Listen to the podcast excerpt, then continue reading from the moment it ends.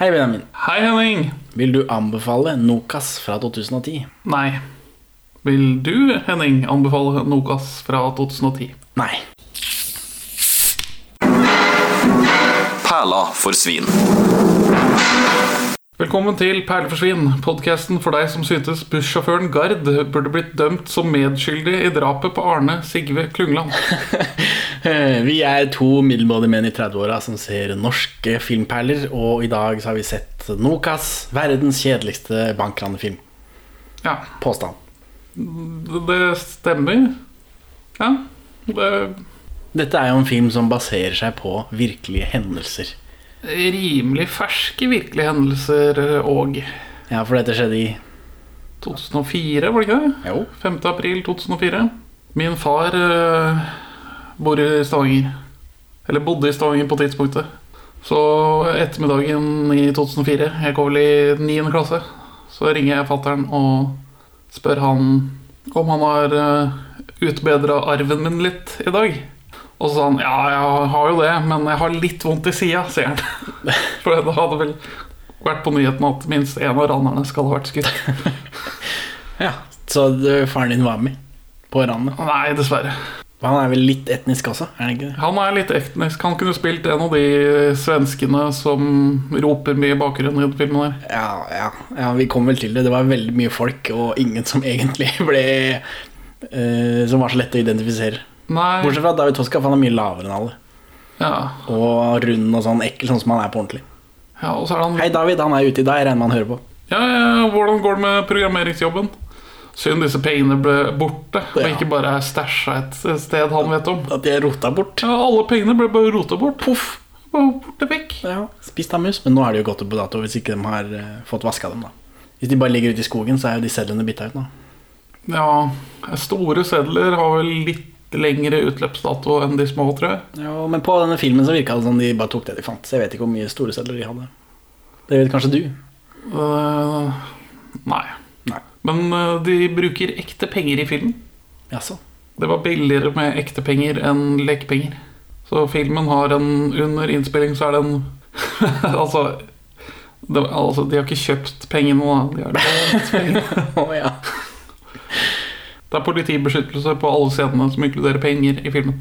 Fikk du med han ut på lørdag, forresten? Nei, han ville ikke være med. Så jeg tok meg en tur på kino, jeg heller. Alene? Er alene. Så Bridget Jones var knallbra. Kjempefilm. Hvem er det som har regissert dette, Benjamin? Det er Erik Skjoldbjerg. Eh, Hva er han kjent for, da? Om noe? Han er mest kjent for å ha manus og regi på Okkupert-serien og Insomnia fra 1997. Norges fremste utenlandseksport innenfor film etter Liv Ullmann? Spørsmålstegn? Eh, Altså eh, at Erik Skjoldbjerg er, er eh, Norges fremste eksport, eller filmen 'Insomnia'? Filmen Insomnia. Nei, det tror jeg ikke. Og annet har vært større enn den på det Altså, Hvor mange norske filmer er det som har blitt remaka internasjonalt opp igjennom? F- Fire som jeg kom på på stående fot. Hvilke er disse, da? Eh, Det er 'Hodet over vannet', 'Insomnia', eh, det er 'Veiviseren'. Veiviseren teller ikke. Veiviseren teller kanskje mest. Men Insomnia, den, men den Insomnia fra remaken, den fikk vel ganske god mottakelse, i motsetning til mange av disse andre. Altså den eh, Kraftidioten, da, den med, eh, med Liam Nissen, som ikke er Den er jo den nyeste, tror jeg, av disse norske remakene. Ja, men Der var det jo Den f- fikk jo masse presse. Ja, fordi Liam Neeson ville drepe en svart mann på et tidspunkt. I'll tell you a story. This is true. I'm not going to use any names, but I was away and I came back and she told me she had been raped. But she handled the situation of the rape in the most extraordinary way. But my immediate reaction was I asked, did, they, did she know who it was? No. What colour were they? She said it was a black person. I went up and down areas with a cosh, hoping I'd be uh, approached by somebody. I'm ashamed to say that. And I did it for maybe a week, hoping some black bastard would come out of a pub and have a go at me about something, you know, so that I could kill him. Så det, kanskje dette promoteringa av filmen drukna kanskje litt i kanselleringa av Liam Neeson, tror jeg. Ja, for den filmen ble vel bare borte etter hvert, ble den ikke det? Ja, altså Det er jo en remake av en norsk film. Det er en av eh, 12 000 Liam Neeson action-thrillere som ingen bryr seg om. Men, men det er jo noe, da. No, noe er det. Men remaken av Insomnia er jo en Christopher Nolan-film. Ja.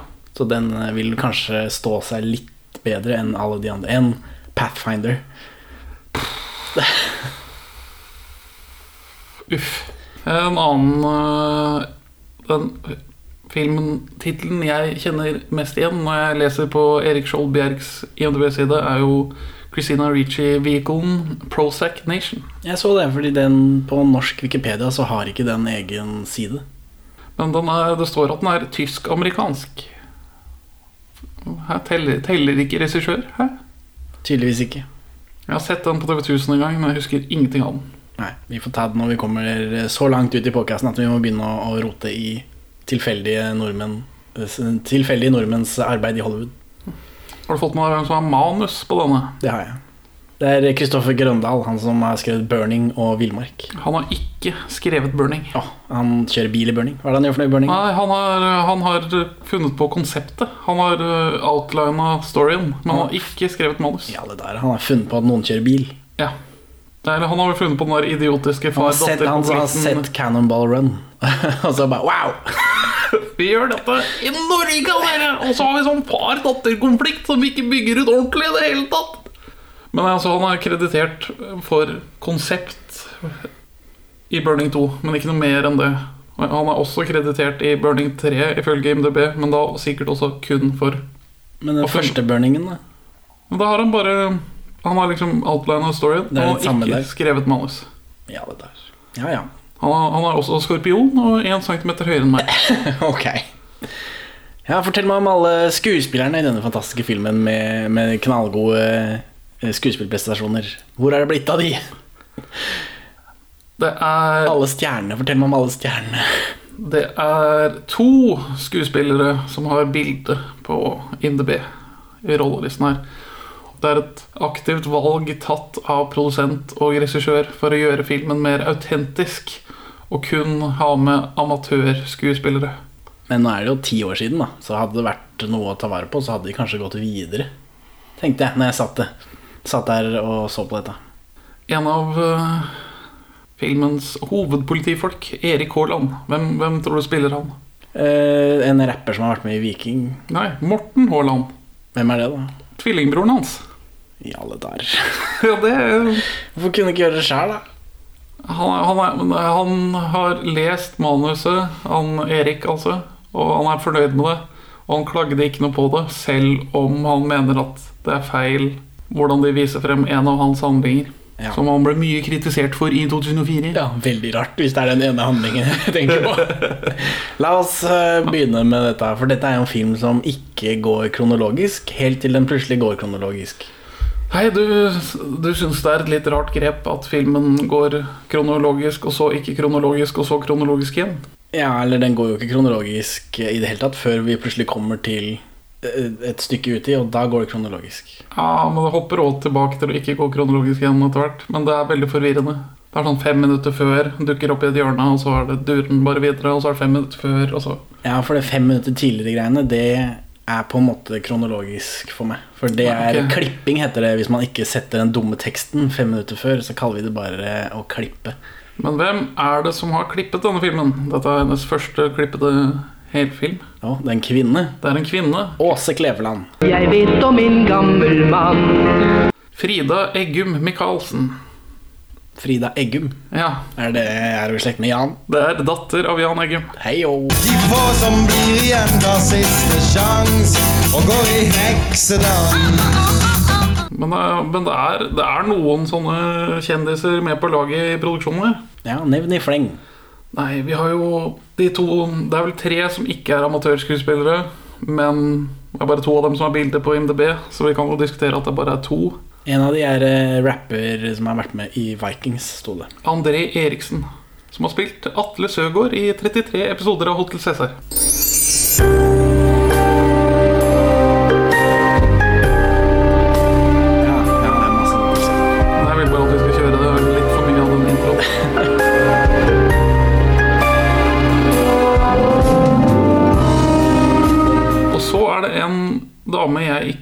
Kjenner til, men hun ser jo litt kjent ut. Beate.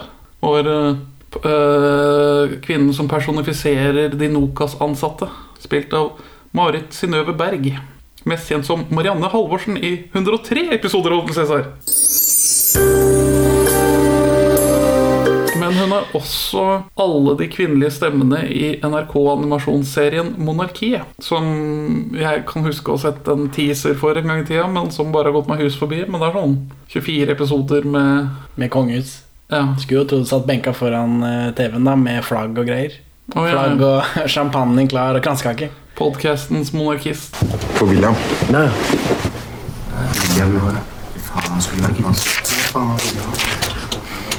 Vi da? For denne filmen er sånn sosialrealistisk, grå. Mye håndholdt kamera. Det er trist. Det, det de kjører en sånn dokumentarstil. Og så får man noen sånne kunstneriske bilder i når de prøver å knuse den der ruta. Ja, For det er jo veldig dramatisk. Eh, Ja. Og når eh, han politimannen blir knerta.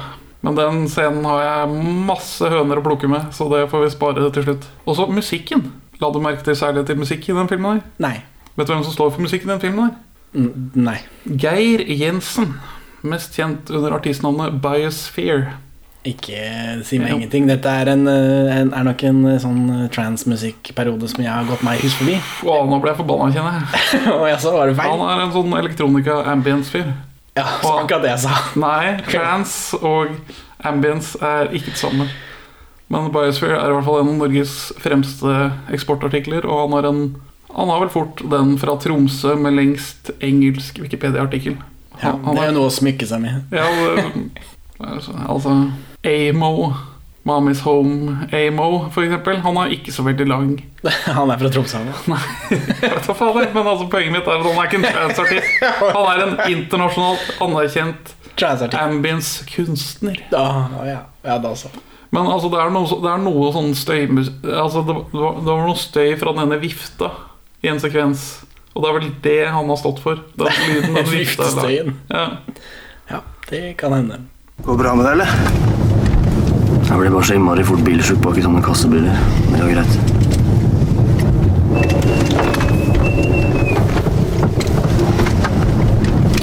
Er du bilsjuk, eller? Ikke bilsjuk, jeg er sjuk, kompis. Filmen var eh, kontroversiell blant siddiser når den ble annonsert. Annonsert, eh, kan jeg tenke meg. For den fikk jo veldig mye skryt når den kom. Men bare sånn konseptet var kontroversielt. Ja, Mens utf utføringen var, eh, var ble hyllet. ja både og. Altså. Men når, når planene først ble annonsert, så tar det to dager, og så er Vigdis inne i kommentarsiden i Stavanger Aftenblad. Er sjokkert over planene om den nye Nokas-filmen.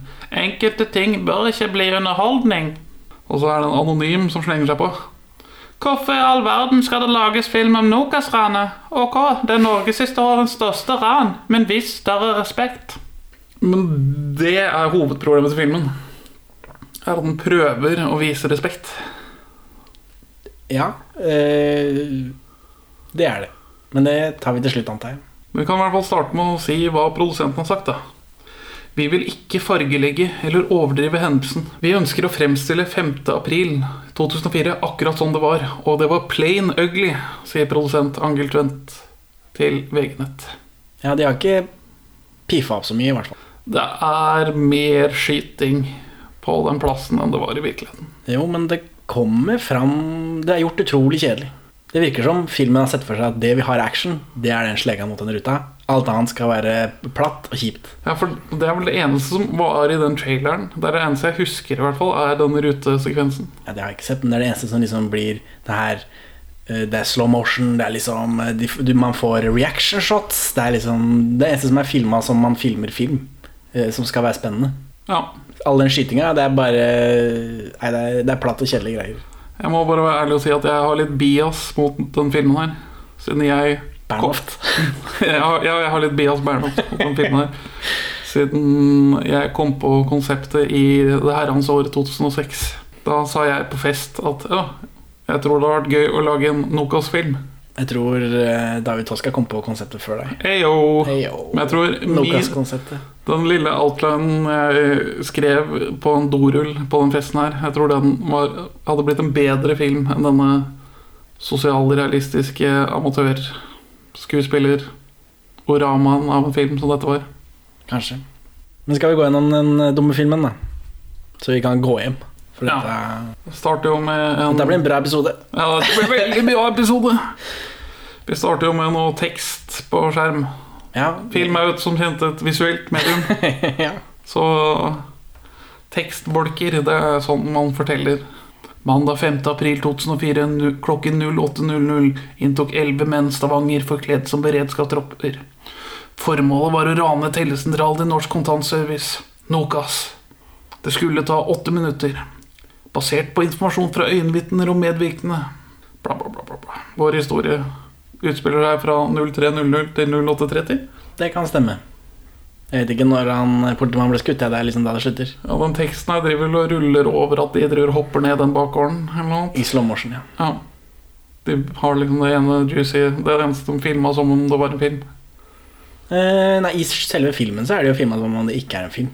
Mens akkurat her sånn så har de gjort slow motion på det. For I filmen så bare hopper de ned. Ja. Men klokka er halv åtte, tror jeg. Det er det første som skjer. Og så klipper vi ut, og så kommer Beate gående på 07.15. Beate kommer gående på Domkirkeplassen. Ja, Og så åpner de hvelvet til hvor alle pengene er. To låser. Hva heter den safen som Egon alltid bryter opp? Frans Jæger. Frans Jæger, ja. Dette var ikke Frans Jæger. Nei. Og så er det noe sånn forferdelig dialog mellom hun og en kollega. Ja. Jeg fikk ikke med den mannen på kino. Nei, han vil ikke være med, så jeg tok meg tur på kino. Alene. Og vi så Bridget Jones. Var knallbra. Kjempefin. ja, men det er småprat sånn som man gjør med kolleger. Ja, men Uh... Det må jeg si at uh, disse, den Stavanger-dialekten Jeg tror den dekker over mye av det dårlige skuespillet mm, sånn etter hvert. Ja, jeg drev og diskuterte det litt for meg selv når jeg så den. Altså, er- Stavanger-folk er ikke de jeg noterer meg som de som har flatest affekt i hele landet. Nei. Men alle har Alle, alle Stavanger-setninger leverer sånn her Å, jeg tar, tar og sier den tingen her til meg. Og så sier du den tingen her til meg. Og så sier jeg den tingen her til deg. Og, altså, når, senere i filmen, når det er noen politifolk som skal rykke ut, og det står en brennende lastebil foran, så, så sier han ene Å, shit, det er en lastebil som brenner. Å nei, det er en lastebil som brenner. og vi får rygge. Og det er bare sånn Det er ikke sånn folk prater i nødsituasjoner. Ja, Man får så- litt affekt, liksom. Jeg som er såpass ukjent med den stavangerdialekta, Stavanger-dialekta, det er uvant å høre det. Så jeg tror eh, Jeg syns det dekka over en del. Jeg, jeg merka jo at jeg så på norsk film, det er ikke det. Men jeg syns det dekka over mye. Ok, Så for østfoldinger som aldri har vært i Rogaland, så er det sånn Ja, det er vel bare, det er vel bare sånn de prater bodde der. Ja, altså For meg så er alt uh, Alt på sida av Sinsenkrysset er eh, Kaptein Sabeltann-dialekt, ja. Ja. Altså Sunniva. Ja, ja jeg, jeg sorterer egentlig hele bibelbeltet i en lang, bløt konsonant av en dialekt. Ja. Men så er det noe rumpe, er ikke det? Fordi det trenger vi. Ja, vi får veldig mye mannerumpe i monitor. Ja. Sjumann, eh, politidrapsmann, mannerumpe i monitor. Ja. Så, så, ja, så er det sånn litt sånn autistisk eh, skrubbedusj. Det skjønner man jo at det er fordi at de ikke skal miste hår med DNA når de raner. ja. Det er derfor de parkerte en lastebil med DNA foran politihuset. Det virka som de hadde tenkt at den skulle brenne litt mer enn det den rakk å gjøre. Jo, men hvis jeg hadde planlagt det, så hadde jeg sett for meg at kanskje ikke alt sammen brant opp. Ja. Jeg har sett såpass mye CSI at eh, DNA, det vet jeg, det er noe Det, er, det gjemmer seg overalt, det. Ja, Blir altså- ikke kvitt det. Og så er det kanskje litt problematisk at politihuset og brannstasjonen ligger vegg i vegg, virker det som. Ja, det var jo vanskelig for dem allikevel, da. Men sånn, jeg skjønner ikke hvorfor de kunne ikke bre- brent eh, alle tinga sine et annet sted enn akkurat der. Fylt en bil med noe annet som brenner. Ja. Bensin, eksempel. Ja, Brente i en container, sånn at du kan få full antenning. Liksom. ja. Eller bare gjemt et sted, hvor ingen tenker på at her kan det ligge masse DNA. Han som spiller David Toska, kunne spilt Henry Rinnan i Rinnan the Movie. For han har litt sånn samme type rottefjes. Han måtte slanka seg litt, da. Ja, ja. Men, den, den, den, eh, den lagt- Freia-sjokoladetrynet til David Toska. hei, hei igjen, David. David har slanka seg i fengsel, så jeg. Det, de pumper vel jern, tror jeg. Det er i hvert fall sånn jeg har forstått det når jeg ser eh, amerikanske eh, fengselsfilmer. Ja. Og hvem er William? Hvem er William? Hvem er William i De, filmen? de driver og prepper, og så kommer det en fyr bort til Schumann som vi følger som vår liksom, protagonist i preppescenen, i hvert fall. Så er det sånn her ja, ja, det her er hvit teip for William. Ja, faen, han skulle vært med oss. Og William skulle vært der, altså. Er han en dau raner? Er han en raner i buret? Men de teiper i hvert fall et sånn hvitt sørgebånd. Det gjør de. Det er elleve mann, da. Kanskje det er litt sånn fotballag. Og Toska er hengende midtbanespiller og kaptein. Ja, nei, Hvem det er, det vet jeg ikke. Det regner jeg med det kanskje du visste. Du som er på innsida av eh, ransmiljøet. Nei, jeg glemte å researche det også. Det er for William Ja, det er William fra Skam som burde vært der. Stille. Det var noen ungdommer ute på Randaberg som hadde stjålet en moped. Jeg trodde du hadde orden på de gutta der ute. Klipp til rulleskifyr. Og da tenker jeg dette er garantert han Arne Sigve Klungland som er på vei til jobben. Og det var det. Det var det. Og så er det mer eh, dusjing. Vi har ikke sett nok mannekropp ennå. Er dusjing og sammenrulling av madrasser og soveposer. Ja, men han politifyren dusjer også. For, nå, for da ser vi at disse ranerne og politiet er ganske like. I en ordentlig film så hadde, vært, hadde man dratt en parallell. Se her, han må dusje, han dusjer. De gjør akkurat det samme. Ja, Men dette er ting jeg må sette sammen selv, og så går det selvfølgelig i oppløsning. For det er ingen andre enn meg som har tenkt på det. jeg leste en artikkel som sammenligna den filmen her med Heat, som originalt var på trykk i Aftenposten. Så snakker de litt om at ofte i ransfilmer så har man jo lyst til i hvert fall at man skal vise frem motivasjonen til de som gjennomfører ranet. Og så er det vanlig å illustrere det skjebnefellesskapet mellom de som raner og de som jakter på dem. Og det får vi jo litt med den dusjinga her, da, men vi får jo ikke vite noe om noens motivasjon i filmen. Nei, egentlig ikke. Dette er Ja, det er fortalt flatt og rett fram. Ja, og fram og tilbake, da. I tid. Men Tosca Ja. holder en peptalk, Ja. så, så her kunne vi kanskje fått noe motivasjon, da. Men det er bare sånn Vi er tøffe, vi er kule, penger er det beste jeg vet. Dette skal vi få til, og vi har funnet et hull i systemet. Den ruta kommer til å knuse som en kjeks Yes. så fort vi slår den. Og det er bare sånn vi vet bedre. Men det, det, det, jeg syns manuset er sånn talentløs i at alt ranerne snakker om, og alle, alt politifolkene før de drar på jobb snakker om, er at å, ja, det, altså, vi er sånn her, vi skal på ran, og det skal gå dritbra. Og politifolk er så sånn still på tåna, vi skal ut og røve. Kommer inn i bakgården. Bort med ruta, som kjeks. Piss og cake. Hva om hvem skyter på oss først? Det er ingen som skyter på oss. Det kommer til å være over før det begynner for dere. Vi er sjefen. Nordens største gutta. Yes! Det er Nordens største gutta! Men ja, men ranerne sier som Vi skal ut og rane. Og eneste politifolka snakker om, er at det er sånn, Åh, vi er så lite folk på jobb i dag. Og vi har akkurat fått inn et tips om at noen har tenkt å rane Nokas. Ja. Ja, det antar jeg skjedde også, siden dette skal være så veldig sånn Jeg antar at de fikk beskjed den dagen at eh, det kan hende det blir noe ran. Ja. Manusforfatteren påstår at han har vært rundt til typ alle fengslene i Norge for å snakke med alle ranerne. Ja, Men det er ikke de som sender beskjed at nå blir det ran. Nei, nei, og andre vitner rundt, da. Men det skal visstnok ha vært et veldig grundig arbeid for å liksom kunne få den streite fortellingen og fortelle den. Ja, Det vil jeg anta når filmen er blitt så kjedelig, at det er basert på fakta.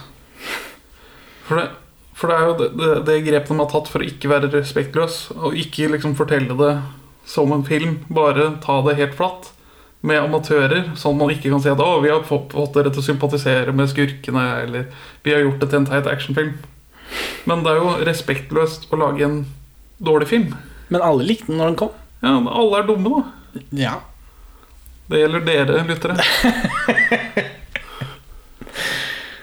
Hva er vipsen din igjen, så vi får noe støtte på Støtte til podkasten. Det er ikke gratis for deg å ta toget inn og ut eh, til Moss. Benjamin Andre Thomas 41653144. Problemet? Hei. Ja, det er det bildet fra Norges Bank som eh, er borte igjen. Lukas, var ikke vi luftlinja linja der før påske? Jo da, men eh, de flytter jo ut, de, vet du, så de har vel satt det på venn. Grunnen til at de skal rane Nokas, er fordi de tror denne ruta er bare en vanlig rute. Har jeg forstått det riktig, da? At det er liksom wow, fy søren, nå, dette blir bra. Her er det masse, masse penger, og så kan de bare gå inn i den ruta. Ja, Tanken er vel at all sikring av denne bygningen fra 1960 er blitt satt inn ut mot gata.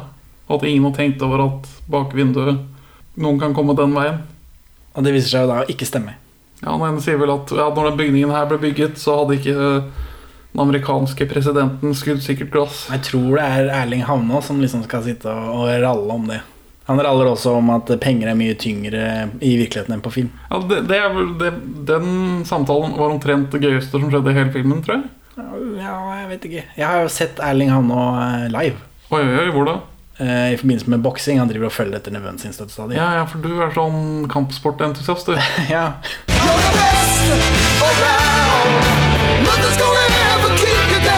Og så er det en av disse ranerne har ikke sydd igjen hetta si, og det er liksom en greie.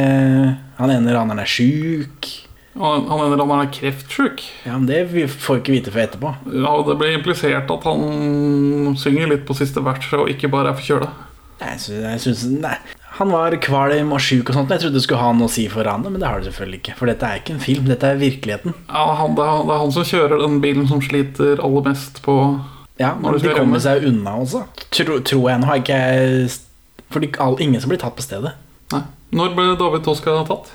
Åh, et par noen år, et par et år etterpå i Spania, tror jeg. Akkurat et år etterpå i Spania. På dagen.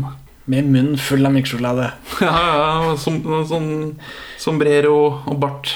Å, han, han er sånn lusekostefyr. Han, jeg tror ikke han har sett Jeg tror ikke han har på seg lusekofta i Spania. Jo, det tror jeg. Jeg tror det er det eneste han har på seg, sånne, sånne lusekofter. Hvorfor kan ikke jeg drite meg ut når David Toske og Toske og Dutte liksom Nei, Vi har fått en rapport på påtroppene om at uh, Nokas er et mulig ransmål. Det hadde jo vært typisk denne uka. Arild. Vi har jo ikke akkurat godt bemanna. Nei, for det er jo De setter jo opp ting som i en film hadde hatt noe å si videre. Det er en del Tsjekhovs pistoler her som bare blir liggende. Ja, men det er noen sjek ja, Jeg syns det er for mange Tsjekhovs pistoler som dras frem. Det at de driver og snakker 'Å, vi er så få på jobb'. Å nei. Og så er det en som snakker om det der eh, Etter at de har fått et eh, ranstipset, så driver han og snakker om at eh, Har du hørt lydopptaket fra ranet på Postsentralen i fjor? Ja, nå høres det ut som du spør meg om det, for du ser meg rett i øya, men det er det de sier på filmen. Ja. ja. Altså, er det at da, Det det De skyter med AG3 og AK47, og det er skikkelig heavy greier. Og hva er det med for? Vannpistol. Å, det er så morsom dialog. Det- forklager til Killingren. Og det er bare sånn Å, jeg levde i 2004. Jeg husker at hun var politisjef en gang i tida. Ja, men dette er jo Tsjekhovs pistoler eh, som går av senere. Det er jo ting de setter opp, og så bruker de det etterpå. For det fordi de er få på, på jobb. Eh, Mens han sjuke, han fyren med kreft, det har ikke noe å si. Nei, bortsett fra Eller han Han krasjer den bilen, da, men de kommer unna likevel. Det er bare en liten stein i skoen. Han dør i en av tekstlappene etter filmen, da. Ja, det er sant, fordi jeg tenkte Alex, aldri hørt om. Hvem er det? Jeg skjønte at det var han de refererte til. Ja, jeg visste ikke at det var en som var død, selv om jeg har sett denne filmen før. Hva, heter sånne tekstlapper på filmene? Jeg veit ikke. Show don't tell. Jeg skjønner ikke dette her, jeg. Hva da? Hvorfor du tar med bevismaterialet hit? Ja, Alt skal brennes. Ja, det er mye som brenner. Det trenger faen ikke være mitt DNA. Og så klager han Klungland om at de ikke har fått beskjed tidligere om at det skal De frykter et ran. Vi som jobber ute på gata, får beskjedene altfor seint. Og så snakker han med eh, sjefen og sier bare Etter ferie må vi endre rutinene. Ja, det skal vi få til. For da får vi etablert at det er dårlig stilt akkurat i dag. Jeg håper ikke det skjer noe i dag, og så er det akkurat i dag det skjer. Bort med ruta som kjeks. Piece of cake, er det Toska sier. Se her. Og ut raskt. Ikke noe bullshit. Maks åtte minutter. Det er Tsjekkos pistol som går av. Ja, for de sier åtte minutter, og det står åtte minutter på begynnelsen, men vi får ikke forklart hvor lang tid det faktisk tar. Som irriterer meg. Eh, ranet starter akkurat åtte, og så er det slutter filmen på 8.30. Så det tar en halvtime istedenfor de åtte minuttene. Det skjer ganske mye utplanlagt. Jeg tok ikke, tok ikke å time hvorvidt eh, det tar så lang tid i selve filmen. Det har det noe å si, da. Har det noe å si? Nei. Den der bør du lese. Ja, Men den vil ikke åpne seg. Altså, ja, så er vi på Nokas hvor de akkurat rekker å få en mail om at politiet tror det blir et ran. Ja, Nokas får også mail om dette. En mail som ikke hun gamle dama klarer å åpne. Så, og det er realistisk eh, kontormiljø. Ja. Ja, og, og så er det sånn åh, ja, Vi skriver dialog, for dette er sånn man snakker på en telesentral, og jeg blir bare så sur av å sitte og se på det her. Å, så mye det der. Jeg sa jo at folk skulle shoppe som galne i påsken. Og det er bare sånn Det er kanskje ikke sånn de snakker, men da setter de opp at det er veldig mye penger, at disse ranerne er inne på et eller annet. Det er, er i dag de bør gjøre det. Så det Det får være. Det, det, det er greit for meg. Jeg skjønner her at det er noe de har vært inne på. De vil eh, fortelle noe med dette. Det er ikke bare Det er ikke den derre eh, den barnehagen eh, som de politifolka skal ut til. Det er ikke det. Det er ikke det at Nå er det innbrudd i en barnehage, og så kommer du aldri fram til den barnehagen. Det- Hva skal jeg med dette? Ja, det Jeg antar at det ble sagt på ordentlig. At det er derfor det er der. Ja, jo da, vi får se. Ja, jeg, mm, jeg er ikke helt overbevist. Ran?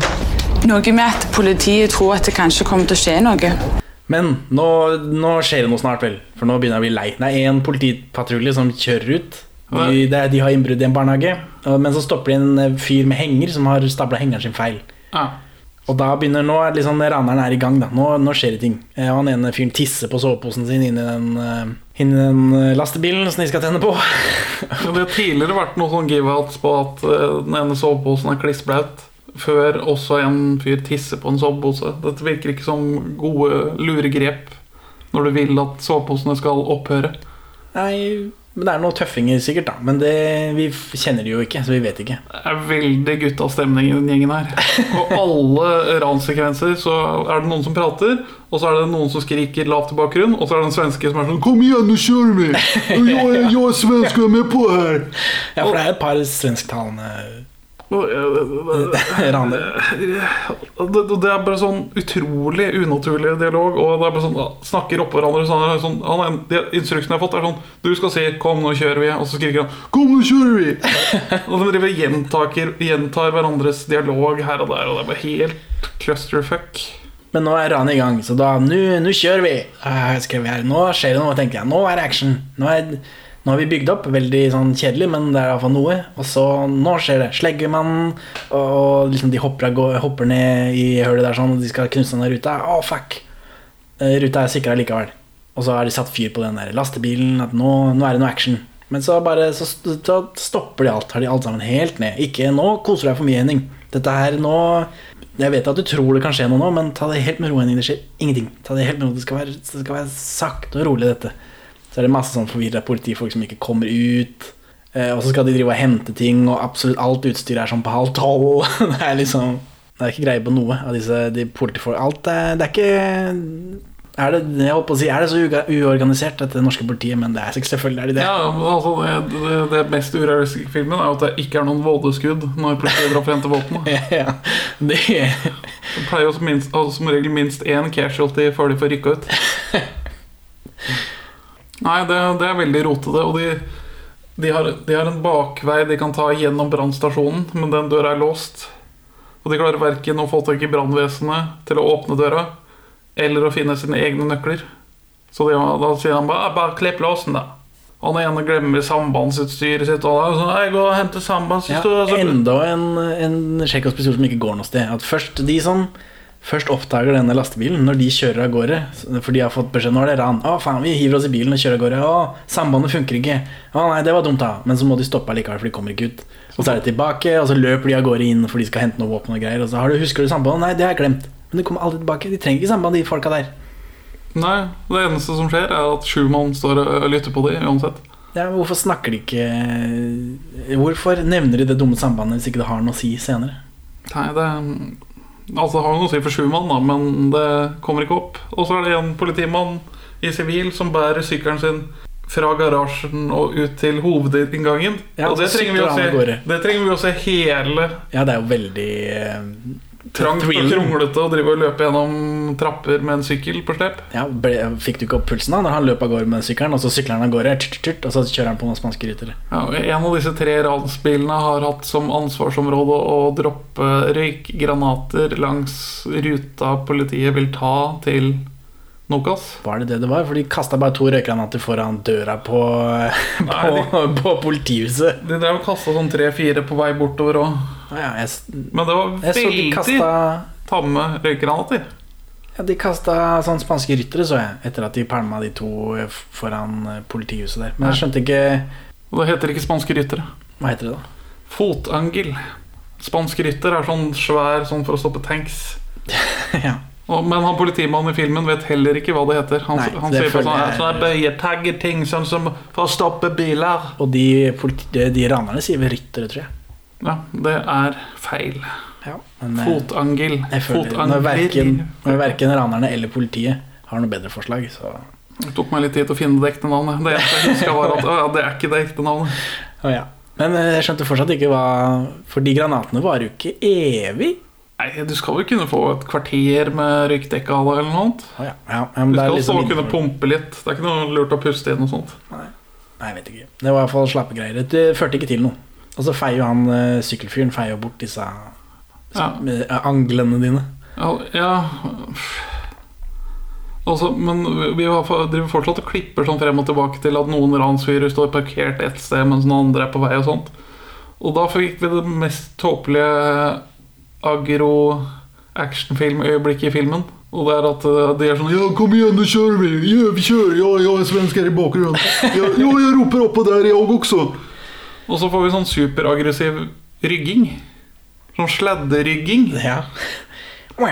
Dette er ikke riktig tidspunkt å parkere snute inn når du er på vei til et ran. Da skal du kunne kjøre rett frem. Altså, tenk litt fremover. da Trodde Tosca er sånn mesterhjerne. Ja, men han kjørte ikke alle bilene, vet du. Det står, det står jo sånn i artikler så David Tosca han, han spiller sjakk, så han var kjempesmart. ja. Han og Bobby Fischer. Han og Bobby Fischer, ja. God morgen. Skal du ned igjen?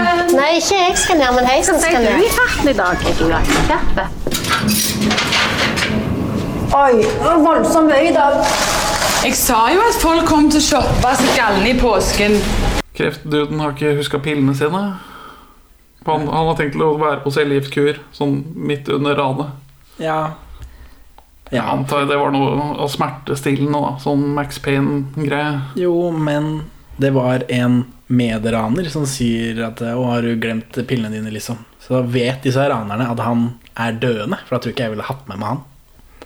Hvis de skal være en proffgjeng, hvis ikke dette er bare en kameratgjeng som skal på hytta. Ja, men Er ikke det en fyr du vil ha med på et ran? Han som har Ingenting å tape. Ingenting å tape. Heisenberg, liksom. Ja.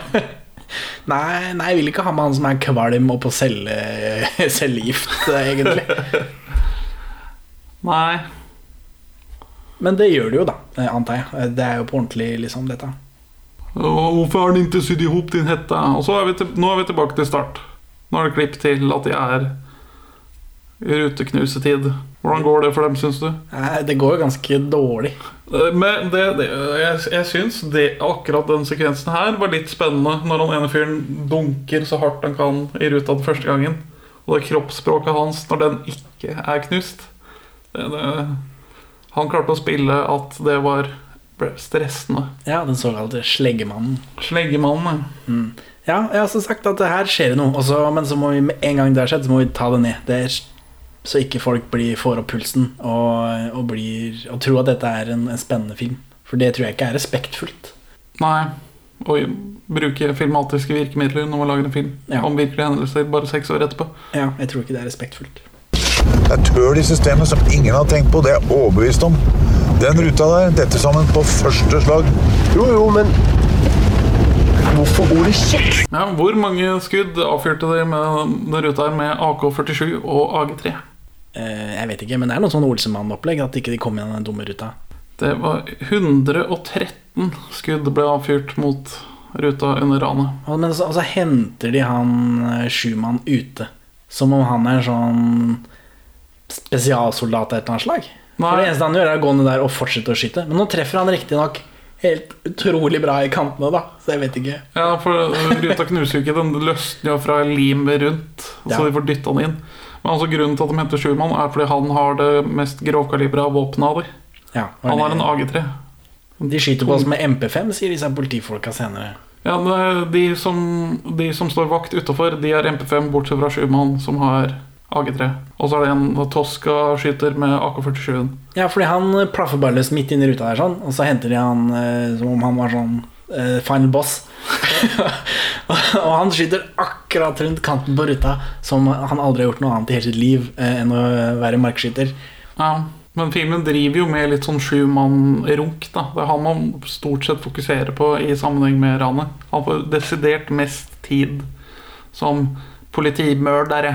Er det liksom han vi er interessert i å fortelle mest fra? Men angående AG3-er Jeg og du har jo vært og skutt sammen med AG3 en gang for ti år siden. Det stemmer vel.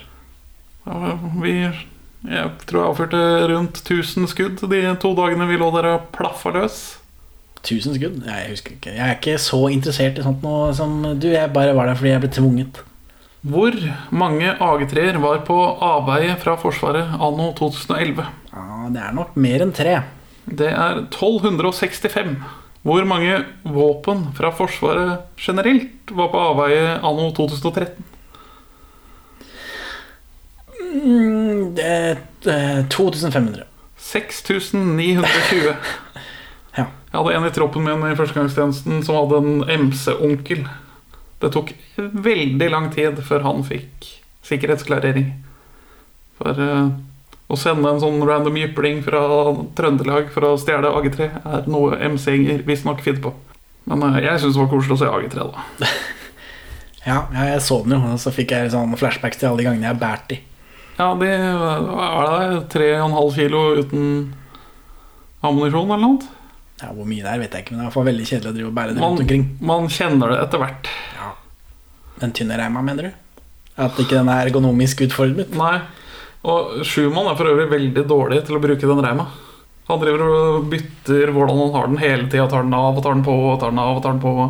Knut henter meg rett etter jobben, så drar vi rett ut. Hva tror jeg gleder meg? Å, så kjekt! Men eh, de ansatte stikker jo. Fortell, la oss ta hva, er, hva skjer med de ansatte, Benjamin? Fortell meg om de ansatte. Nei, vi driver jo og følger Beate og hennes makker Randi.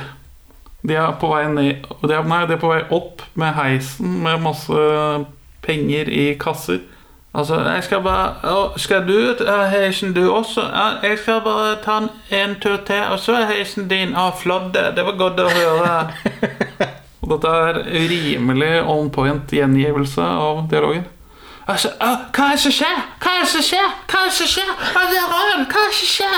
Ja, altså, eh, altså får de vel panikk, antar jeg, fordi de, da døtter de inn masse kasser. For det er noen kasser som er på vei De kunne jo kasta ut de kassene og så tatt med noen folk. Ja, jeg vet ikke, eh, for Instruksen til Nokas-ansatte er at de skal ofre sine liv. For penger. Ja. I tilfelle ran. Så er det pengene som skal reddes, Ja. mens menneskene ikke er verdt noe. For, eh, for hun ene er allerede, har allerede fylt opp heisen med sin ene kasse. Og hun Randi, som jeg hater Hun prøver å dytte en til kasse inn, og så gir hun opp det. Og så stapper de Randi og Beate seg inn i heisen. Ja, Med masse kasser og noe greier. Og så er det de kassene Det er såpass trangt inne at de ikke klarer å bruke det kortet sitt før å lukke opp døra. Nei, så de må bryte rutinen når de kommer opp i andre etasje. Og de slår på døra og skriker til de som jobber på den delen av telesentralen. Og de må åpne, og de, du ser de er liksom «Å, Men det her er ikke rutine. Skal du stjele pengene nå, eller? Hvis ikke de, hvis ikke de lokker opp, så kommer de til å sulte her inne der. Da. Hva, er greia, hva er greia, liksom? Det skjønte jeg ikke. Så trangt kan det ikke være. Nei, Det må være noe panikkgreier. Men de driver jo og snakker om at uh, lokalet ikke passer for dåtidens bruk for Nokas. Da. Ja, de gleder seg til De skal jo flytte ut, tydeligvis. ja, I dag er det Stavanger turistkontor som har, besitter de lokalene. Så de lånte det ut til filmen. Ja. Hvor er det, det Nokas er nå, da? Aner ikke. Det må vi finne ut av, altså sjekke om det er noen ruter og noen greier. Ja, ja, ja. Sikkert masse. Det er, det er sånn ren glassbygning. En tur til, så er heisen din. Glimrende. Jeg gleder meg sånn til vi skal flytte. Ja, men her kommer jeg i hvert fall ikke til å savne. Hva er det som skjer? Men eh, de ansatte de kommer seg til slutt eh, ut, da, gjør de ikke det? De klarer å rømme. Fortell meg mer om de ansatte, for det tror jeg er en gjeng du liker. Det er kanskje de som gjør minst den filmen her. Ja, De løper i flokk, og så har de ingen fri vilje. Nei, men Det er sånn man blir i en stressa situasjon. da Og så er det noen som liksom Vi løper den veien der, å nei, vi går den veien her. Og så er det en som bare legger seg ned. Ja, det er hun. Randi. Hun, så, hun, hun, sånn, hun bare legger seg rett ned og bare begynner å grine. Men det må jo ha skjedd. Det, Det er to reaksjoner man har. Fight or flight. Altså så, sånn passivitet, passivitet det, det tåler jeg ikke. nei, men det må jo ha skjedd. Ja, det kan man anta. De Nokas-ansatte søkte for øvrig ni De 37 Nokas-ansatte som var på jobb den dagen, søkte for, for øvrig 9 millioner i erstatning for traumene de ble påført. Og filmen sier at de fikk mellom 30 Mellom 30 og 60 000 hver, ja. Ja. Og jeg regna på det, og 45 000 ganger 37 er ca. 1,68 mil. Så de fikk 18,5% av det de ba om.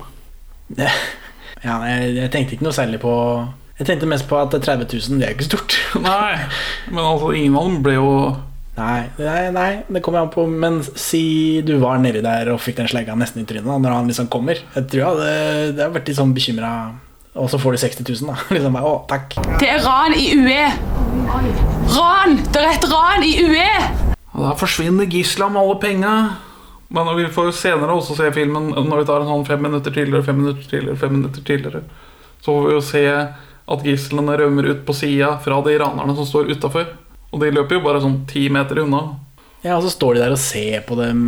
Ja, det er vel en av de Nokas ansatte som går frem til en politimann og blir bedt om hva de skal gjøre. Og så sier han politimannen «Øh, ja, det er, det er ran her, så du må gå, gå, gå til den bilen. Ja, gå går- lenger bak der. Ja, gå, gå lenger bak der til den bilen, og så, og så går hun lenger bak der til den bilen.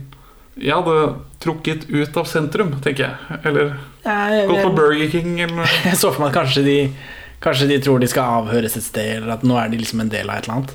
Ja, Vi kommer inn på noen teite politiinstruksgreier seinere òg, men det, det er finalen til filmen. så- Ok. Uh.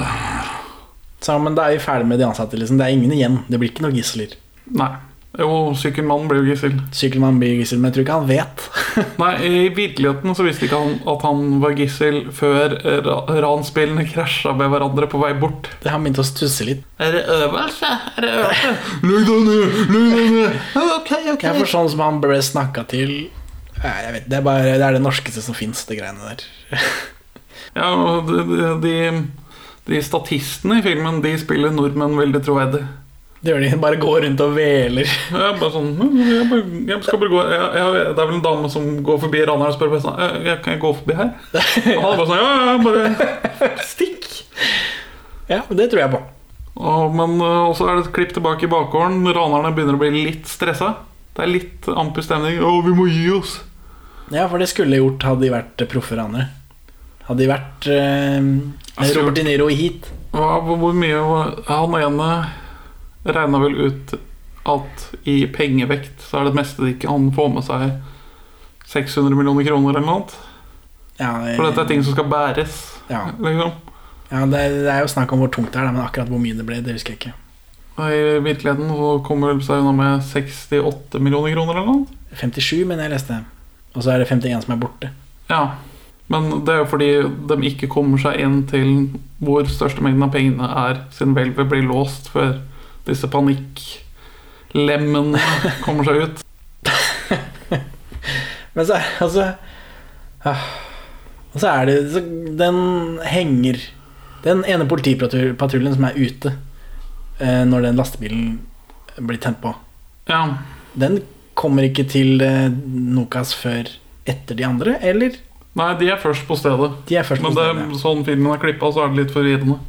For, for de er først på stedet, og han har en pistol. Disse, De har to revolvere. ja, disse ranerne, noen av de står jo ute med pistolene sine, og så står de og ser på hverandre sånn. For han, De står liksom helt åpne rett ute. Han Politimannen står og ser, å ja, der er det masse ranere med gunnere. Og de står og ser, ja, der er en politimann, gitt. Og så skjer jo ingenting, for sånn er det i Norge. Men, men det er ikke noe sånn Det er ikke noe close-ups, det er ikke noe De bygger ikke noe spenning, for det, de vil, det vil være respektløst. Ja. Det er veldig kjedelig. Ja, det er veldig kjedelig. Men uh, NRK Rogaland sin anmelder klager over at filmen kun er nærbilder. Så jeg tror ikke NRK Rogalands filmanmelder vet hva et nærbilde er. Nei, det kan hende. For det er mye rotete sosialrealistiske bilder av grå kommunale bygninger. liksom. Kilvei, Kilvei, Ransøvelse. Få gå ut og sjekke. Kilvei, hvorfor, hvorfor tar Schumann av seg maska inne i gangen der? Han har tatt ut den radioen. Ok. Så det er for å få på seg radioen igjen. Ah. Og det er en annen ting. Hvorfor er det bare han som har politiradio? Det måtte vært kjempekjekt for disse eh, andre ranerne å ha også. Jeg tror det, det Jeg tipper noen andre har det, men vi, vi ser ikke det. David Toska mister ørepluggen sin, for han skal egentlig være i kontinuerlig telefonkontakt med de ute. Så det er en del av grunnen til at det blir så mye rot med folk som går frem og tilbake. Og at det var tre stykker som trakk seg fra ranet tre timer før. Så det er ikke så mange på vakt utafor som det skulle vært i virkeligheten. Hvorfor er det tre stykker som trekker seg? Hvorfor får vi ikke se det, da? Nei, jeg vet ikke. Det hadde vel ikke tid, da. Det hadde kanskje vært for spennende. Jeg vet ikke. Så det skulle vært 14 stykker. En ting som var godt fortalt, er når den patruljen som kommer til stedet, er på vei dit. Uh, For Da ser vi et shot fra inne i bilen av at det kommer melding fra radioen om at det skjer masse dritt. Og det får ikke de med seg. De setter seg bare inn, og så kommer de liksom for seint til å få den beskjeden. Og så er det noen som spør Har dere fått med dere hva som skjer? Nei. Da ringer inn på den telefonen, da. Og så gjør de det. Og mens han da får beskjed, så hører du at han bare begynner å gasse på. Det, det likte jeg godt. Dette er da Erik Haaland, som nevnt spilt av Morten Haaland, hans tvillingbror. Jeg vet ikke hvorvidt de er eneggede eller ikke. Han har jo blitt litt eldre enn bror sin var, da. Hvis ikke han har vært sånn Austin Powers nedfryst til filmen, liksom. Det er veldig rart. Hva er det som skjer? Det er ran som pågår i Norges Bank. Det er mange personer, og det løsner skudd. Det er ikke noen øvelse. Nei, og vi er blokkert på politikammer. De har sperra utkjørselen, så folk kommer ikke ut. Men så er det han, sykkel, han sykkelpolitimannen også kommer jo frem. Men for nå begynner det å komme politifolk dit i sine egne biler, og de har liksom fått rydda opp litt. Vi har fått en, en fyr som er på ferie til å også komme og Så er det en, en politidame som bare veler rundt her og jager bort folk. Og så kommer han politi, sykkelpolitimannen kommer og sier hei, det er liksom, eh, Du må gå bort da, da raneren står der, tre meter fra oss. Å, faen! Og så stikker hun politidama, og så blir han sykkelpolitimannen tatt som gissel. Ja, ja, for eh, han Schumann han går frem til en gjeng som står og røyker, og stiller seg bare i den gjengen uten å si noe, og den gjengen bare røyker videre sånn litt kleint. Ja, for man, du- man står jo i ring når man snakker sammen, og han stiller seg da inn i den ringen. Og jeg har også jeg hadde, jeg hadde en morsom periode på ungdomsskolen hvor jeg gjorde det. Bare for å se hva som skjedde. Og de blir ikke stående. Nei, folk blir veldig brydd av det. I hvert fall når du står der med en jævla AG3, som i hvert fall seks av sju i den gjengen har kjennskap til. Sånn antageligvis. Men hun politidama hun gir beskjed til den gjengen uten å legge merke til han fyren i full riot gear med en AG3. Så han andre fyren må si fra med «Ja, Han ene ranen så rett der borte. Hun har akkurat vært og snakka til dem. Ja. For filmen har flere sånne billedmessige, logiske brister. Altså hvor logikken til filmen ikke henger på greip. Hvordan i helvete kunne ikke hun se han? Jeg vet ikke. Jeg vet ikke. Men da ble iallfall han ene politimannen liksom tatt som gissel, lagt på bakken og greier. Og, og etterpå så får vi se at han, når han kommer seg løs, liksom, at hun andre politidama er liksom helt fra seg, og så får, får han en rask klem hvor hun griner. Og det, det syns jeg var fint, fordi det er strengt tatt hennes skyld. Ja. At hun var helt blåst. Så det, det, det er små Man må finne de små gleder. Og han, den, også, den patruljen driver og kommer til stedet. De kjører vel nesten på en Nokas-raner. ja. Og så sier de Og så rygger de. Og så kjører de og gjemmer seg litt. Og så sier de liksom fra at de er for godt bevæpna, vi får ikke gjort noe, så vi prøver å bevæpne folk. Og så begynner jo han Erik å bare skyte.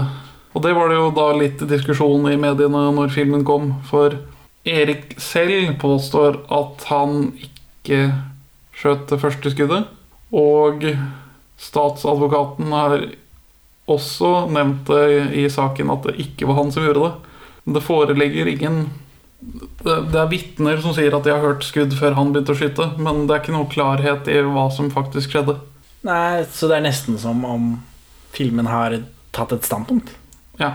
Jøss. Det hadde jeg ikke forventa. De fremstiller Erik som mer dust enn han selv mener at han er. Ja, for på slutten så står det at han ble etterforsket av Sefo, at de fant at det var helt greit uansett hva han gjorde. Det gjør det, det For det gjør man i en sånn ranssituasjon hvor det har blitt skutt en politimann. Spesialenheten for politisaker De bare antar politiets uskyld alltid. Jo, men da forsto jeg det sånn som om at, at han skjøt først. Ja, for, altså, Og det var helt greit, selvfølgelig, men han skjøt jo først.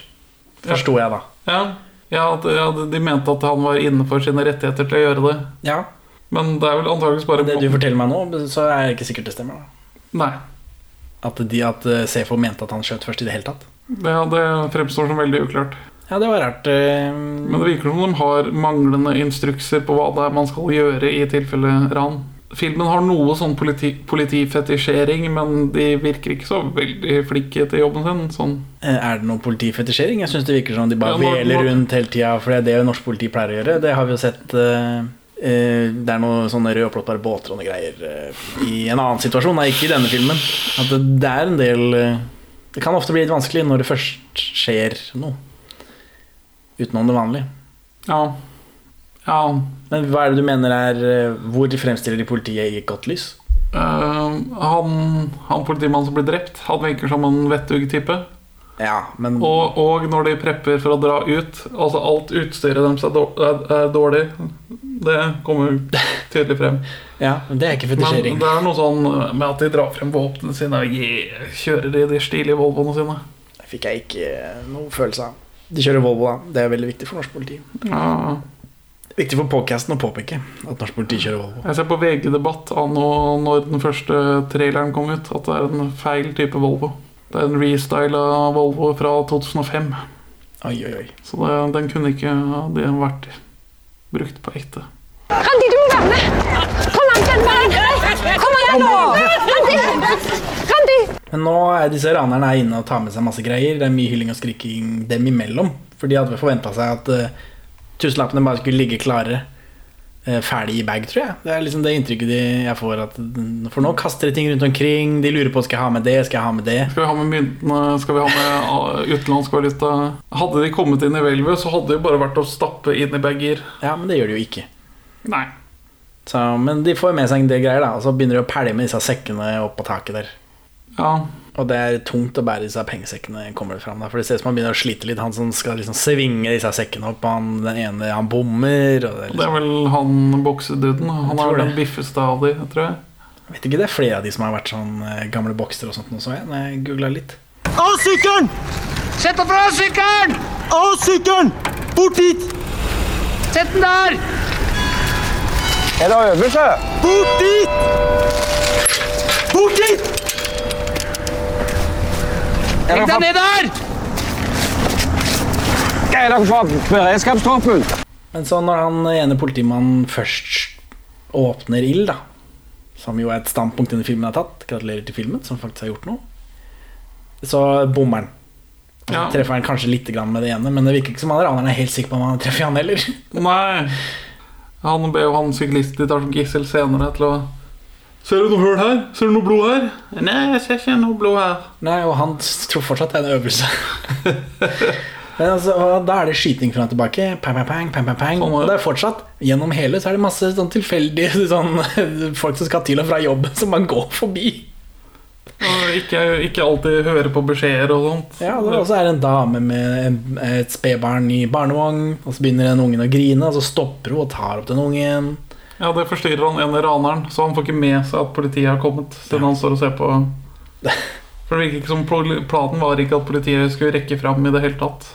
Nei, det skulle jo ta åtte minutter, ja. De skulle bare slå på våpnene for å vise at her har vi mest eh, firepower. Bare trekk unna. Ja, for i en, i en fornuftig I en kald og logisk verden så ville det på en måte gitt mening. Men nå skyter jo han fyren med revolver allikevel. Ja, Man må tenke litt på hva slags typer politiet tiltrekker seg. da Det skulle man tro sånne eh, karrierekriminelle visste. Det er de som hadde meldt seg som frontkjempere under krigen, som blir politifolk. Det er podcastens standpunkt. Ja. ja ja, du får stå for den alene. Dette er en fellesmelding til alle sjåfører. Det har vært et ran i Norges Bank på Domkirkeplassen. Ran i Norges Bank på Domkirkeplassen. Tjenestekontoret. Dette er 249. Uh, Min rute starter fra Handelens hus. Hva skal jeg gjøre? Du, du får bare kjøre bort og spørre politiet. Innimellom så klippes det til en bussjåfør. Eller én gang. En gang klippes, etableres det en bussjåfør. Ja, men Noen ganger så klipper vi til karakterer og gir dem navn per tekst. Sånn som Beate. Hun, hun får navn. Ja. Og sånn en raneren og en sykkelpurken. Og... Alex. Ja. Den syke raneren. Bussjåføren Gard. Ja, for Først så blir det snakk om at vi må få disse politiet snakker om vi må få disse bussene til å slutte å kjøre. Det blir jævlig tungt. dere kjører mellom oss og ranerne hele tida. Ja. Det går ikke helt. Og det, Og så Senere i filmen så klipper vi til Gard, som får denne beskjeden at det er noe rangreier. Og han lurer på hva skal jeg gjøre, ruta mi er jo gjennom der. Ja, ruta mi starter jo derfor. Hva skal jeg gjøre, da? Ja, for det ja, Altså er det noen bussjåfører. De, de, gjør jobben sin. Det er uansett vær og vind og ran. Ja, ja, for det bussentralen sier til han, er at du får kjøre dit, så får du spørre politiet om hva du skal gjøre. Ja. Ikke, ikke bare stoppe bussen hvor du er. Nei, nei, du skal til ransstedet nå. altså Men da er Gard etablert da, som karakter. ja, Det er ikke det bussjåføren het, heter i det virkelige liv. Nei. Da Hva heter han, da? Stein Gjerpeland, tror jeg. Ja, hvorfor har de bytta ut han med en, eh, med en jukseperson, da? Ja, fordi han er en politimørdere. det er hans skyld. Jeg, jeg, altså hvis filmens fremstilling av hendelsesforløpet stemmer, så har han bidratt med sin uaktsomhet å forvolde en politimanns død. Ja, ja. Jeg ville nå skyldt på han som skjøt den i hodet. Ja, men, det- det- men det er meg, da. Jeg er ikke like sint på bussjåfører som det du er. Men er en, du står bak en politibil som er på vei til et ransted, og så ligger du bare rett opp i rumpa hans hele veien. Så når For han skal, må jo få han til å stoppe så han kan spørre hva han skal gjøre. Ja, ja. Nei, jeg syns det Altså, hvis det stemmer, så er Gard en idiot. Du kjører ikke bussen din til et sted hvor det er et ran. For bussholdeplassen ligger jo akkurat der. Ja, men det er eh, Folk er jo lemmings. Nå Han kjører dit, og hvis, det da, hvis han da blir Hvis det er galt, så kan han si at ja, 'jeg fikk jo beskjed av sentralen'. Ja. Du kan skylde på ting oppover. Sånn ordrenekt har Nürnberg og Eichmann-rettssaken i Jerusalem vist oss at ikke holder vann. Man må kunne ikke følge dumme ordre. Jeg hadde i hvert fall stoppa bussen min i stedet for å kjøre til randstedet. Ja, Det sier du helt til du begynner å kjøre buss. Da er jeg sikker på at du blir hjernevaska, du også. De skyter der nede. Hva skal vi gjøre av oss? Hold dere samla. Trekk lenger unna inntil bilen der. Ok. Men nå har disse ranerne fått eh, bager av det som er inn i biler. Nå skal de eh, rømme. Og da er det mye sånn, også mye hurra balu. Fordi kjører i panikken, og så krasjer han sjuke fyren i en av de andre ranerne. Ja, sånn at den eh, ene støtdemperen til den grå saben deres digler litt sånn dårlig. Ja, og han punkterer. Ja, er det det som skjer? Og da blir det mye sånn 'Å, jeg klarer ikke å starte bilen', og så starter bilen, og så kommer de av gårde likevel. Så jeg, jeg skjønte ikke helt hva det var godt for, annet enn at det skjedde. Nei, det må vel ha vært så gæli i virkeligheten. Jeg vet ikke om det har vært så gærlig. Må det ha vært så gærlig, for jeg syns de bruker uh, uh, Jeg synes de bruker mye tid på det til at det bare ordner seg, på magisk vis. Ja. En av argumentene for at Forsvaret har hadde AG3, var jo at det kaliberet er sterkt nok til å gå gjennom en motorblokk, og at du kan stoppe en bil som kjører mot deg med den. Men de pusete revolverne til politiet er jo ikke sterke til det. Så jeg har tenkt, er det, sånn, er det fordi bilen har blitt skutt så mye med den fislete lille revolveren at han ikke får start på den? Men han får jo start på den til slutt, da. Ja, Så det hadde jo ikke noe for seg, egentlig, den lille detouren der. Og da kjører de alle av gårde, og så ser vi ikke de eh, ranerne noe særlig mer. Ja, altså, det er, men det er veldig panikk i den bilen, og han Ja, det blir mye skriking fra han svensken. han ene skyter vel over skulderen til han med en AG3. Ja, så han får vondt i øret. Ja, det får du veldig vondt i øret av. Herregud. Og så er det veldig noen svensken driver og skriker i bakgrunnen. Ja, Tjenere grabbar. Tjenere, kjør på! Ronny og Regge, faen fan. Kjør da, kjør da, kjør da! Två raggarballar med svingdører og en jævla masse blod. Og politiet er actionhelter. Han mener Du tar dekka, jeg tar sjåføren. Ja, altså er det ingen annen som treffer noe. Erik Haaland skal ha løsnet 17 skudd mot ranerne, mens hans makker skal ha løsnet 3. Men det er veldig mye skyting når de skal prøve å komme seg bort. Så jeg, jeg, jeg telte ikke, men det var, det var mye skyting. Det var mye skyting, men det var så platt og kjedelig, så det tror jeg ikke har noe å si. Og så får vi den eh, eh, Så er det han Schumann da, som skyter mot en bil. En politibil. Ja, han, På lang avstand. han skyter først på en sånn blå Volvo, som han får beskjed om at det er noen politifolk som gjemmer seg bak via politiradio. Og så ser han den kommandobilen som har en buss i rumpa. ja. Da begynner han å skyte, og så begynner han å, politimannen å rygge. Og da får vi sett det fra bussjåførens perspektiv. Da ser vi at det kommer et høl i den bakruta. Det som skjedde i virkeligheten, var at bakruta ble helt knust. For det som skal ha skjedd når eh, Schumann skjøt mot eh, Arne Sigve, er at den kula skal ha blitt deformert på vei gjennom frontruta og bare most hodet hans. Sånn at alle fragmentene har spredd seg og knust ruta. Mens i filmen får vi bare se det ene hullet. da Men det er et visuelt virke- virkemiddel som forteller oss hva som har skjedd. For det hullet er jo plassert i hodehøyde. Ja, men det, er, men det er en del Han skyter flere skudd også. Det er ikke sånn det er ett sånn velplassert et. Han, eh, han skyter litt, treffer litt her, treffer litt der, og så er det én som han har litt sånn uflaks med. Eller flaks. Det kommer an på Ja, det, var- det hva han sånn egentlig ville. Det var ikke sånn jeg hadde sett for meg det fra hva jeg leste i avisen i 2004. Men Nei, men så, Og dette her er også noe vi heller ikke får se. Vi sitter inne i den bussen vi, gjennom hele den sekvensen her. ja, med Det er talentløse på, det på den, mest, den kjedeligste måten som finnes, og det er selvfølgelig for å vise respekt. Ja, det er sånn uh, single shot, no cut-greie. Ja, Hvor han går ut, han eh, titter inn der, og der det er sikkert noe der, men det får vi aldri se. Så, og han går tilbake, fyrer seg litt røyk, sier til noen folk som går 'Du kan ikke gå her, det er ran og greier'. Eh, Jeg tror han fyrer en røyk til. Jeg tror han klarer å brenne gjennom to røyk på det skuddet her. Og så pang, så er filmen slutt. Og det, jeg ble overraska over at eh, nå var filmen slutt. Ja. Vi får ikke noen avslutning på dette. Vi får seks tekstbolker som forteller oss hva som skjer videre. For da sparer du en del i budsjettet da, når de bare skal skrive slutten istedenfor å filme det. Ja, det jeg så for meg fra Nokas, var at vi skulle få litt, litt planlegging, litt ran og litt av det som skjer etterpå. For han, ja, det er jo i hvert fall én raner som blir truffet med et streifskudd. Og så er det en raner som blir skutt i låret av Erik Haaland. Ja, men dette er- også ting jeg ikke husker fra når det skjedde. Det, jeg, jeg husker det, men så har jeg den anekdoten med fattern som Jo, jo. å, å binde det minnet på. da Ja, fordi det er veldig viktig at han ene politimannen blir skutt og, og drept. Det, skjønner- det husker jeg godt, selvfølgelig. For det var en svær del av rettssaken. Men at et par av de andre ble skutt, og at en av de var død fra før av, det er ikke noe dette her eh, har jeg fått med. Nei, men det, Jeg husker i hvert fall at han ene som ble skutt i låret, jeg tror han drev og holdt på å dø av sepsis i den dekkleiligheten. Ja vel. Det er elleve mann i en sånn bitte liten dekkleilighet et eller annet sted litt utenfor Stavanger. Og han ene får ikke akkurat legebehandling, så han holder på å dø av det. Og det er en sånn diskusjon hvorvidt de skal liksom kjøre og droppe han av foran sykehuset eller ikke. Men til slutt så gir feberen seg, eller noe annet. Men eh, det er masse menneskelig drama som filmen bare reduserer til tekstbolker. da Og det er jo De er filma i en sånn dokumentarstil som jeg tror de har gjort for at det skal være intimt og ekte. Eh, Men så blir alt bare kjedelig og banalt. Ja, veldig grått kommunefilm, liksom. Norsk sosialrealisme.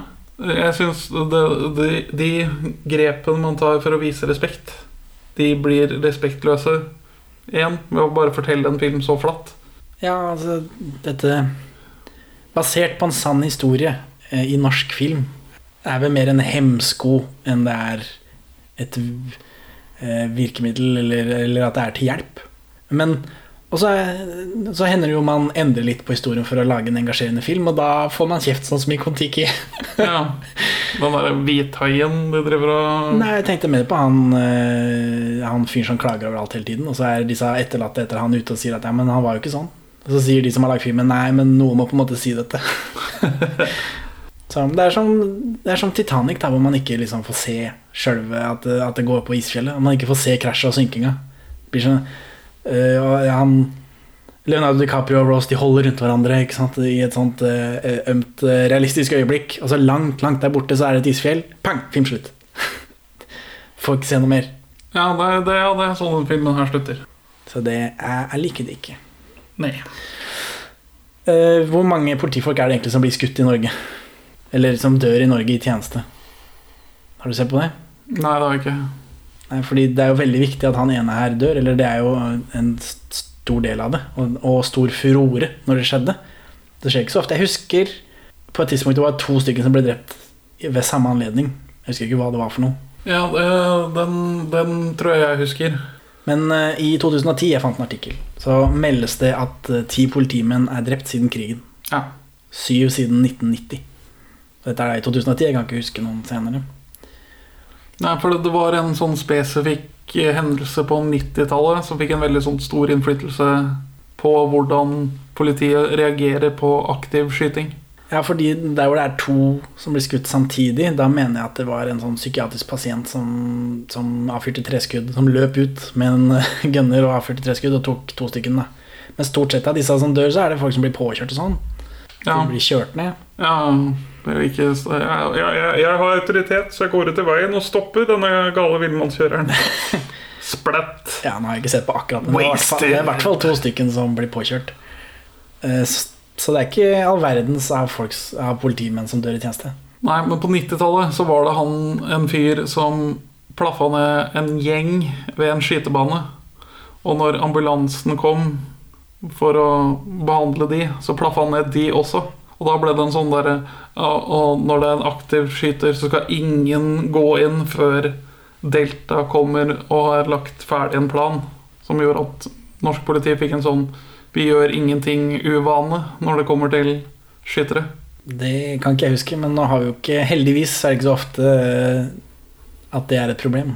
Nei, Norge så er det den ene gangen eller to da hvor det er et problem. Ja, hvor det skjærer seg sånn veldig. Men Norge er vel på sånn ellevteplass over antall skytevåpen per capita i verden. Og så er vi på nest siste plass på antall drap. Det er jo en del sånn jaktvåpen rundt omkring. Ja, det er vel 1,2 millioner jaktvåpen i norske hjem eller noe. Altså, morfar, som vi har snakka om i 'Slalåm under himmelen', eh, var jo militarist. Så etter han så ligger det igjen tre våpen som ingen vet hva skal vi gjøre med dem.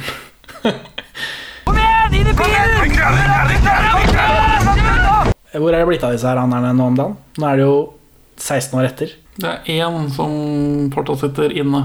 Han får det streifskuddet. På Nokas dom? Ja, for jeg, jeg tror han ble sluppet på prøve.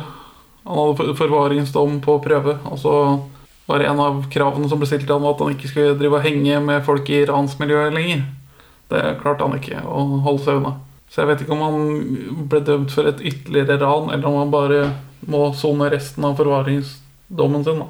Det lille jeg så på så er det han Metkel Betev. Ja. Han brøt prøveløslatelsen sin, og sitter inne på en forvaringsdom. Men han fikk jo 16 år. Jeg vet ikke åssen det sånn prøveløslatelse og brudd, på det funker. Trekker de fra det han har vært ute? Så forvaring er vel 16 pluss 5. Jeg vet ikke. Forvaring er mer tid, og så når de fem årene har gått, så skal man da vurdere om han skal få fem år til eller ikke. Og så er det en som heter Alf Henrik Christensen, som sitter inne på en sånn hasjsmuglerdom. Så han var ute litt, og så smugla han litt hasj, så kom han inn igjen. Ja. Men ellers så tror jeg de er ute, de fleste. Ja, Tosca fikk vel litt eh, kritikk for at han møtte vel han Bechdel-testen på restaurant. Metkel BTV, ja. ja. Stemmer. Men nå, ja, Tosca også er ute. Det er rart ingen av dem har vært på Paradise Hotel eller noe sånt. Nei, det har vært en dokumentar med Tosca og mora hans. Ja, det var én episode Ja. i ja, en sånn eh, dokumentarserie så jeg som var med han, men det er jo ikke Jeg føler de kunne gjort så mye mer. Det er så mye Firestjerners middag og, og sånt Ja. de kunne vært med på. Det er det. Hadde, hadde ikke dødd en politimann, så tror jeg det hadde vært mer trolig. Kanskje. Erling Havno er jo ute. Jeg går rundt sammen med han. eh, Det har støtt og stadig noen intervjuer med, med nevøen sin. Ja, Han har òg virket som trener etterpå en liten periode òg. Men han får jo ikke betalt, for det er jo ingen av de som kan tjene penger. Kanskje det er derfor ikke de har vært med på Paradise Hotel og sånn fire stjerners middag og sånn. Nei, hva var det Schumann har en betalingsanmerkning på 35 millioner kroner eller noe? Jeg tror det gjelder nesten alle av dem, så har de mange millioner som de skylder, så de får liksom ikke For Schumann var allerede ettersøkt for ran før Nokas-ranet òg, så han har en sånn smørbrødliste med penger han skylder. Ja, kan hende. Det er jo litt meningsløst. Den derre 'Vi har tatt deg for å gjøre noe ulovlig'. Dette kostet så og så mye. Altså, Nokas-rettssaken kosta staten 300 millioner kroner å gjennomføre eller noe. Eller alt med politijakt og det hele. Kan hende. Så det, det blir jo et ganske stort tap, da.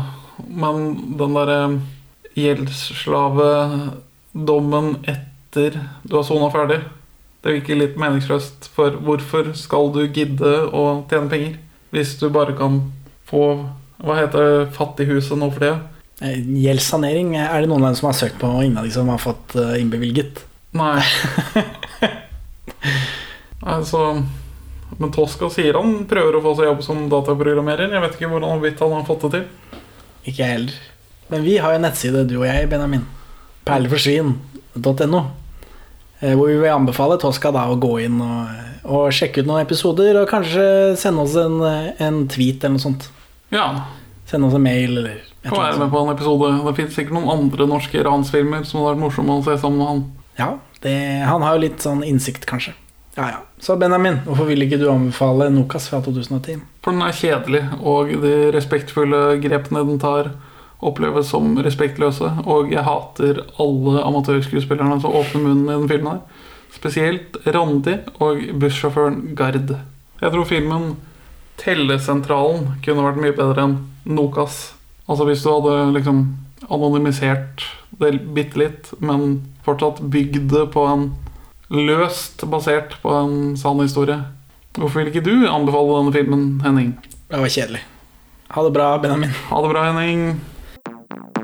Takk for at du hører på Perler for svin. Du finner oss først og fremst på perleforsvin.no, men også på Twitter under perler-for-svin, Facebook som perleforsvinpod, eller du kan maile oss på perleforsvinpod at gmail.com. Gi oss gjerne en eh, rating i din lokale podcast-avspiller, og, og legg igjen en beskrivelse, så folk skjønner hva det er for noe tull vi egentlig driver med. Her er ukas Pål Bang-Hansen-sitat ute av kontekst. Could you please advise the Norwegian public how they should attack your film?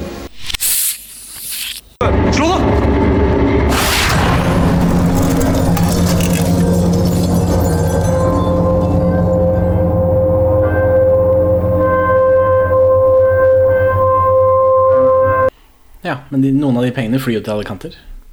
Ja. Noen flyr til Lanzarote, andre til Mallorca. Alle i kanter.